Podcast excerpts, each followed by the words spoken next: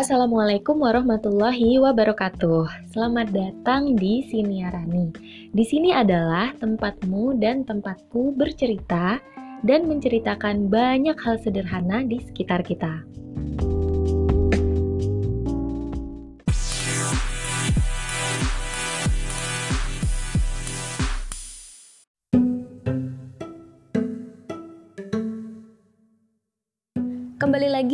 Lagi di Siniarani, ini adalah episode kedua di bulan Oktober. Masih bersama aku, eh, hostnya Siniarani. Dan hari ini aku akan ngobrol, ngelanjutin tentang cerita petualangan menjadi seorang job seeker. Karena sebelumnya aku ngerasa aku masih kurang ceritanya tentang pengalaman mencari kerja yang menyenangkan ini gitu. Bahwa um, meskipun deg-degan gitu ya, yang lain udah dapat kerja, yang lain udah mulai kerja atau udah mulai bisnis, kita masih di sini-sini aja, masih main, masih aktivitas-aktivitas yang enggak jelas mungkin. By the way, panas banget nggak sih akhir-akhir ini? Kalau dari info BMKG, matahari saat ini sedang ada di titik kulminasi, yaitu di mana matahari tepat lurus melewati Indonesia. Di bulan Oktober itu kan matahari agak sedikit ke selatan ya, jadi bagian selatan Indonesia itu cenderung lebih panas karena memang matahari tepat melewati garis katulistiwa gitu. Tapi bukan itu sebenarnya penyebab utama uh, suhu panas akhir-akhir ini. Penyebab utamanya adalah karena kita masih ada di musim kemarau. Bahkan di beberapa daerah itu memang sedang puncaknya musim kemarau nih. Oktober puncak musim kemarau agak ini ya beda dari apa yang aku pelajari waktu sekolah ya.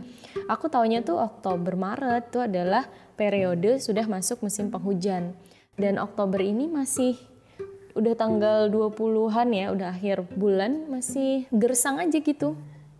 Apa mungkin ada pergeseran musim atau iklim itu aku juga kurang tahu sih. Tapi BMKG memprediksi suhu panas akan berakhir di akhir Oktober. Akan menurun seiring uh, bergesernya gerak matahari juga dari kulminasi tadi akan mulai bergeser dan juga seiring datangnya musim hujan.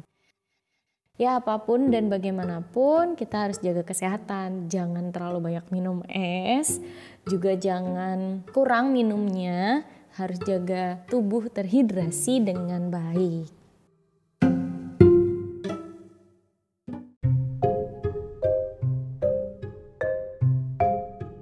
Oke, sebelum masuk ke topik yang sesuai dengan judulnya, aku mau bahas dulu tentang apa yang akhir-akhir ini sedang dibahas banyak orang. Tentunya ini berkaitan dengan uh, dimulainya periode pemerintahan yang baru pada tanggal 20 Oktober 2019 Presiden dan Wakil Presiden periode 2019 sampai 2024 dilantik. Presiden Joko Widodo dan Wakil Presiden Kiai Haji Ma'ruf Amin. Nah, pelantikan ini tidak lepas dari pidato beliau.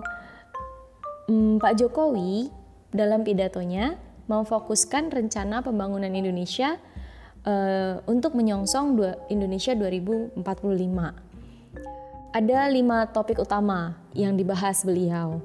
Yang pertama adalah pembangunan sumber daya manusia, yang kedua meneruskan pembangunan infrastruktur, menyederhanakan regulasi, menyederhanakan birokrasi, dan transformasi ekonomi.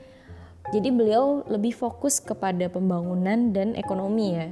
Dan dengan pidatonya ini banyak orang um, merasa kecewa karena ada beberapa hal penting yang akhir-akhir ini terjadi tidak beliau sampaikan dalam pidato beliau sebagai salah satu fokus uh, pemerintahan periode ini gitu. Ada tentang HAM, hukum, korupsi dan masih banyak sebenarnya yang mungkin tidak diungkapkan atau diucapkan secara eksplisit. Bahkan kata-katanya atau kosa katanya aja tidak ada. Nah, itu membuat orang sedikit khawatir dengan bagaimana periode pemerintahan ini berjalan.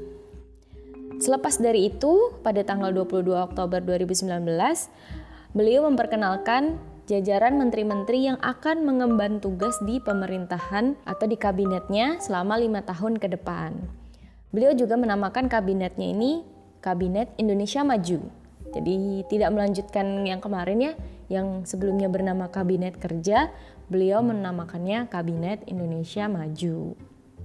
Serunya, ada beberapa nama baru yang sebelumnya tidak terdengar, diperbincangkan, tapi kemudian muncul dan menduduki jabatan menteri. Contohnya seperti eh, CEO Gojek Nadiem Makarim. Beliau menjabat Menteri Pendidikan dan Kebudayaan sekaligus sebagai menteri termuda pada usia beliau yang masih 35 tahun. Ada juga Wisnu Tama yang sebelumnya berada di industri pertelevisian menjadi Menteri Pariwisata dan Industri Kreatif.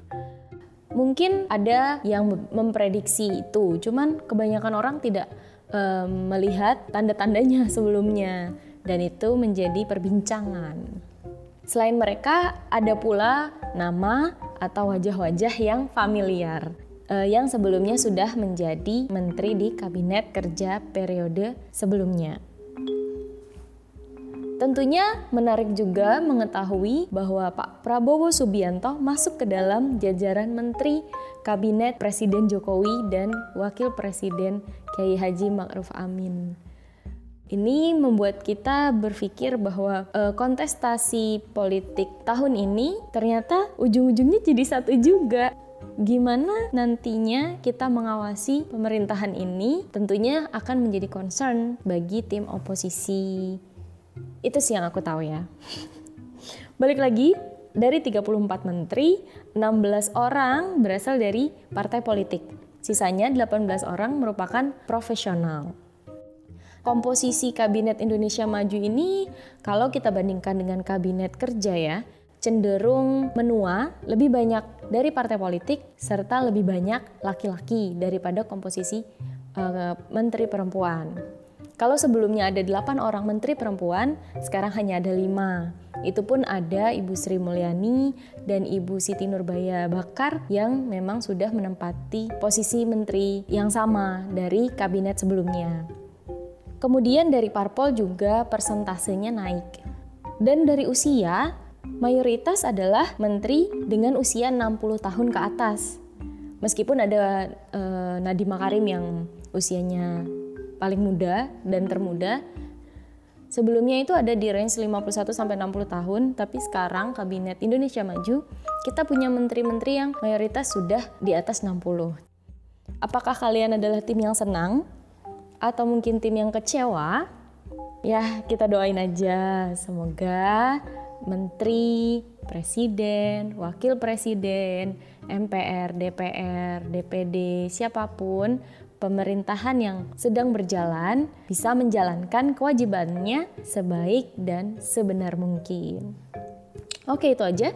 Selebihnya kalian bisa kulik lagi ya di artikel atau pembahasan yang tentunya berasal dari ahlinya. Kenapa aku bahas ini dulu sebelum akhirnya bahas tentang pengalaman job seeker? Karena pada pidato Pak Jokowi di pelantikannya, uh, beliau ingin membangun SDM serta ingin membuat UU Cipta Lapangan Kerja dan UU Pemberdayaan UMKM. Nah, program ini tuh lebih memfokuskan pada program keahlian. Jadi bagaimana tenaga kerja itu punya keahlian, punya kompetensi yang itu bisa digunakan ketika bekerja. Keahlian itu kan tidak semuanya kita pelajari ketika kita sekolah atau ketika kita menempuh pendidikan. Keahlian sih memang salah satu poin ketika kalian ingin melamar kerja ya. Poin yang dipertimbangkan apakah kalian diterima atau ditolak ketika kalian melamar kerja. Selain faktor utama lainnya ya, apakah itu keahlian yang kalian miliki ketika kalian kuliah di jurusan tertentu atau mungkin kalian sedang menempuh kursus uh, sekolah SMK atau SMA yang fokus ke bidang-bidang tertentu, nah itu bisa dicantumkan sebagai poin keahlian.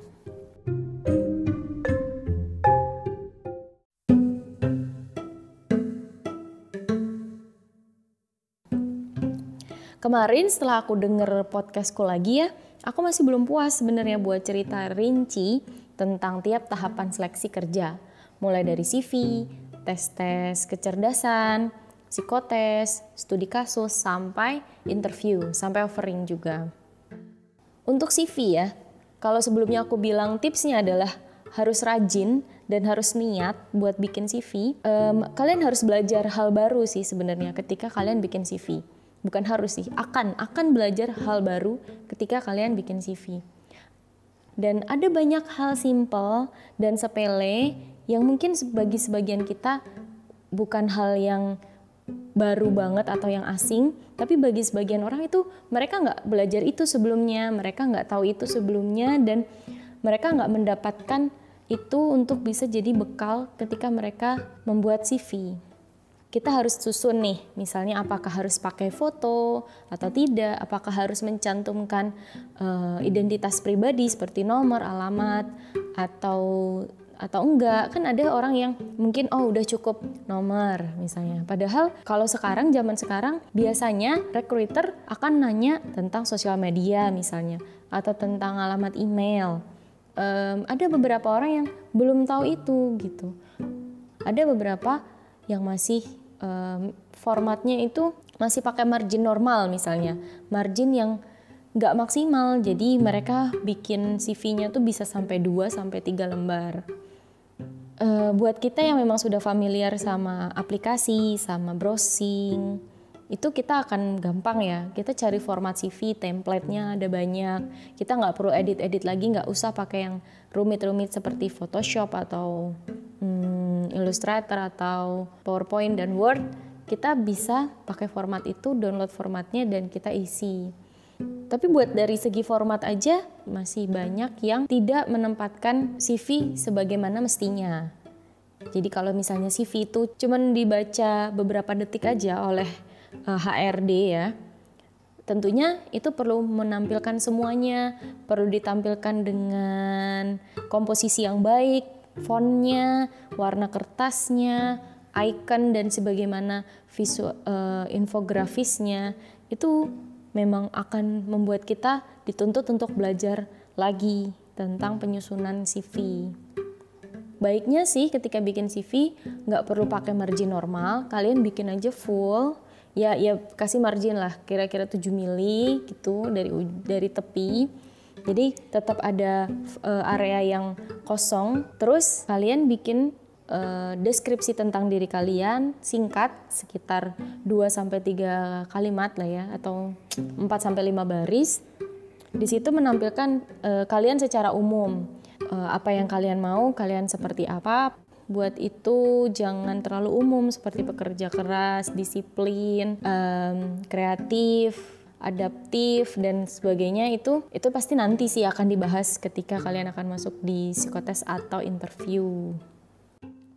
Selain itu juga cantumin hal-hal yang lebih penting dan lebih baru seperti keahlian, sertifikasi, pekerjaan terakhir, pengalaman terakhir, riwayat pendidikan terakhir. Biasanya kita nggak perlu sampai nyantumin SMP dan SD lagi sekarang, minimal SMA atau S1 atau mungkin ada kursus uh, di luar sekolah, di luar pendidikan formal yang kalian ikutin. Nah itu masukin yang sesuai dengan apa yang kita lamar. Itu sih poin pentingnya. Oh iya, kadang kan sekarang udah ada pendaftaran online ya, seperti yang udah aku bilang sebelumnya. Nah, sesimpel gimana cara kita scan berkas, kemudian berkasnya harus berapa megabyte, harus dengan format nama seperti apa, detail-detail yang mungkin jadi penyebab kita nggak lolos ke tahap selanjutnya itu ternyata beneran ada gitu. Jangan sampai karena itu kita akhirnya tidak bisa mendapatkan kesempatan untuk lanjut ke tahap selanjutnya. Untuk lanjut ke tahap selanjutnya, maunya apa coba?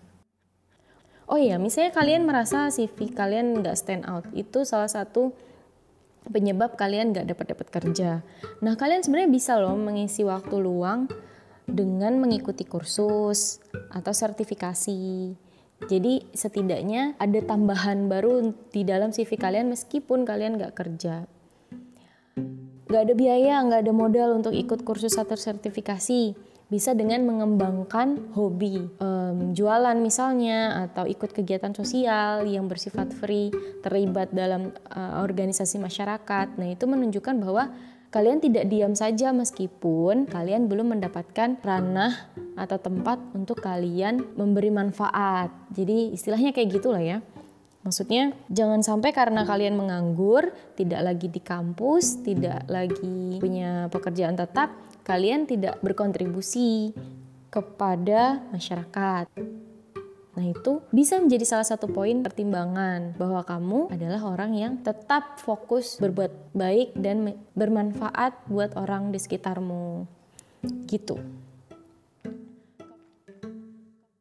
Kalau aku sih dulu waktu masih periode belum dapat kerja itu aku masih ada proyek sama dosen. Jadi masih bolak-balik ke kampus.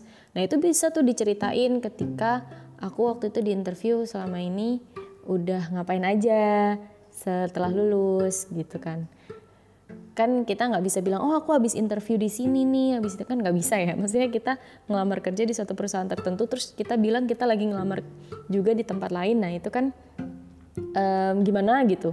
Nah, kita bisa cerita, oh uh, saya masih ada project dengan dosen. Terus bisa juga um, ikut ngajar. Ngisi waktu luangnya adalah dengan uh, privat tutor dan dengan itu kita, juga bisa cerita itu sebagai aktivitas kita ketika kita luang. Pada intinya itu sih ketika pas kita di interview juga ditanya waktu luang dilaku, diisi dengan apa nah pastikan itu adalah hobi-hobi yang positif memberi nilai kepada diri sendiri ataupun kepada orang lain next udah terlalu banyak ngobrolin tentang CV aku mau bahas tentang interview. Nah interviewku dulu itu ada yang keluar kota jadi uh, ke Bandung ke Jogja jadi jalan-jalan gitu lamar kerja mah. Ada juga pas lagi di luar kota disuruh ke Jakarta itu memang memang harus standby sih. Telepon email kita harus aktif ketika memang kita menganggur guys. Karena memang di situ adalah portal informasi kita buat dapetin uh, pekerjaan. Dulu waktu um, ada pengalaman tes di luar kota ya itu aku kadang kenalan sama orang baru ya terus dengerin dia cerita aku tuh udah lamar di sini udah di sini udah apa apa apa.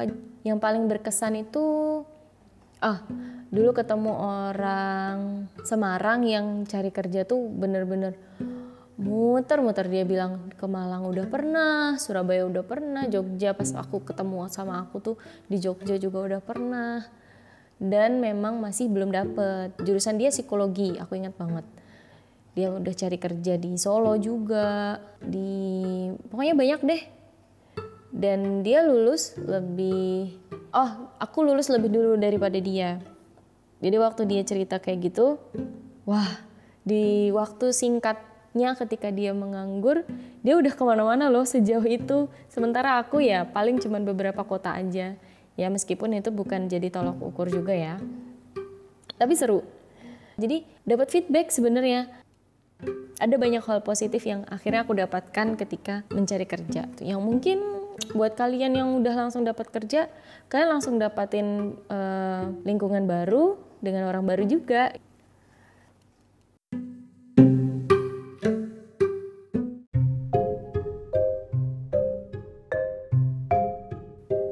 Terus kalau udah semua muanya ada sesi negosiasi dan offering Offering itu apa sih? Maksudnya ketika kita sudah dinyatakan diterima dengan semua syarat, dengan semua tes, kita akan diberikan uh, surat kerjasama. Kita menandatangani surat keputusan, kemudian kita akan mem membaca beberapa peraturan tentang perusahaan itu, tentang mungkin kesepakatan kerjanya, apakah itu kontrak atau um, magang atau bagaimana.